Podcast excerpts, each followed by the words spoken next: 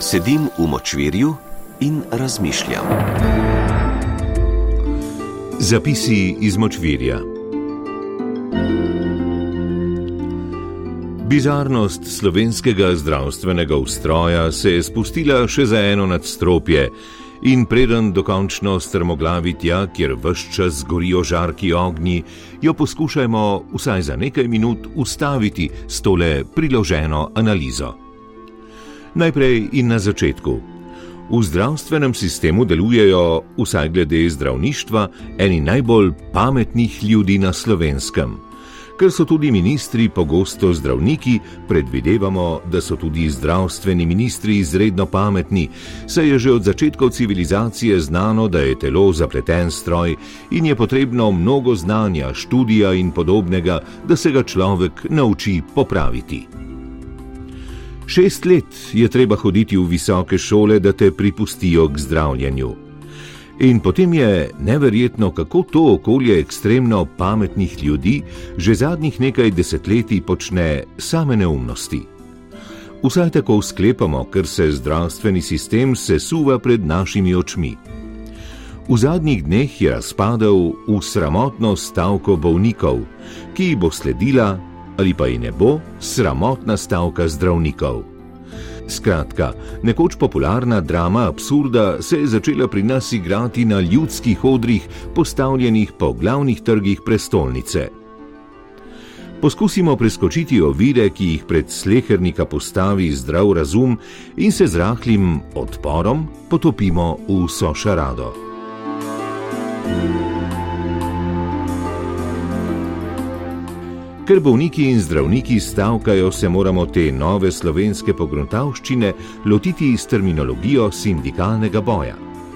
Torej, zdravniki so v teh stavkah delojemalci, bolniki pa so delodajalci. In kar je najbolj noro, oboji stavkajo zaradi tega, ker so nezadovoljni s trenutno situacijo kar na nek način transcendentalno presega običajni sindikalni boj, v katerem je situacijo nezadovoljna ena stran, zgodovinsko gledano najpogosteje delojemalci. Delodajalci so ponavadi nezadovoljni samo, če ne dobijo dovolj ohlajene penine ali je kršen kateri drugih delodajalskih privilegijev. V slovenskih javno-zdravstvenih stavkah pa sta nezadovoljni obe strani. Prek prsta sklepamo, da so delodajalci, se pravi bolniki, v prvi vrsti nezadovoljni, ker so bolni. In ker bodo na protestu njim v podporo nastopili tudi predstavniki vlade, predvidevamo, da jih bodo vladajoči podprli v tem nezadovoljstvu.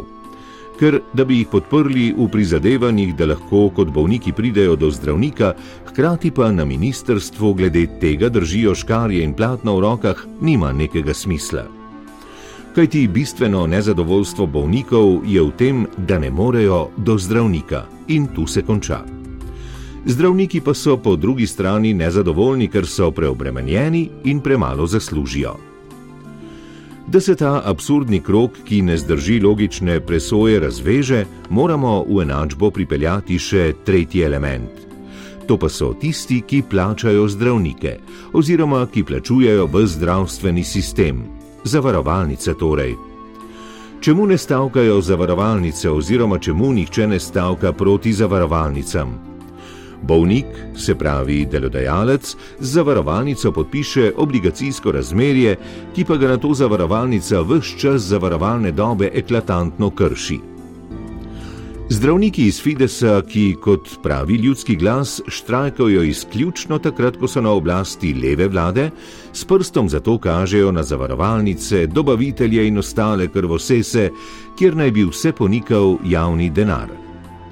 Je pa res, da je ponikanje javnega denarja v slovenskem zdravstvu v deželi stoterih kraških pojavov bolj kot ne logično. Javni denar, da enačbo elegantno sklenemo, pa je tisti denar, ki ga pridelajo delodajalci, se pravi bolniki. Hočemo povedati, da smo sedanji in potencijalni bolniki tisti, ki plačujemo za ta na smrt bolni javni zdravstveni sistem, katerega vrhovi so na srečo na ukrevanju na jahtah ob sredozemski obali. Ostane torej le še možnost, da bolniki še več plačujemo zavarovalnicam, ki naj na to polnijo zdravstveni sistem. Ampak ne moremo, ker smo bolni.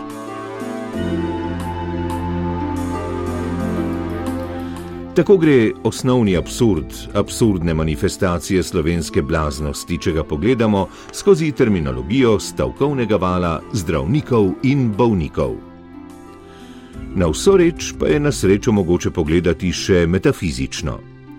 Bolniki menijo, da so zdravniki ne le dolžni, da jih zdravijo, temveč menijo vsaj malo tudi, da so zdravniki krivi, da so zboleli. Hočemo povedati, da smo bolniki lahko tudi resne tečnobe, ki svoje zdravje povezujemo izključno z medicino in zdravstvenim sistemom.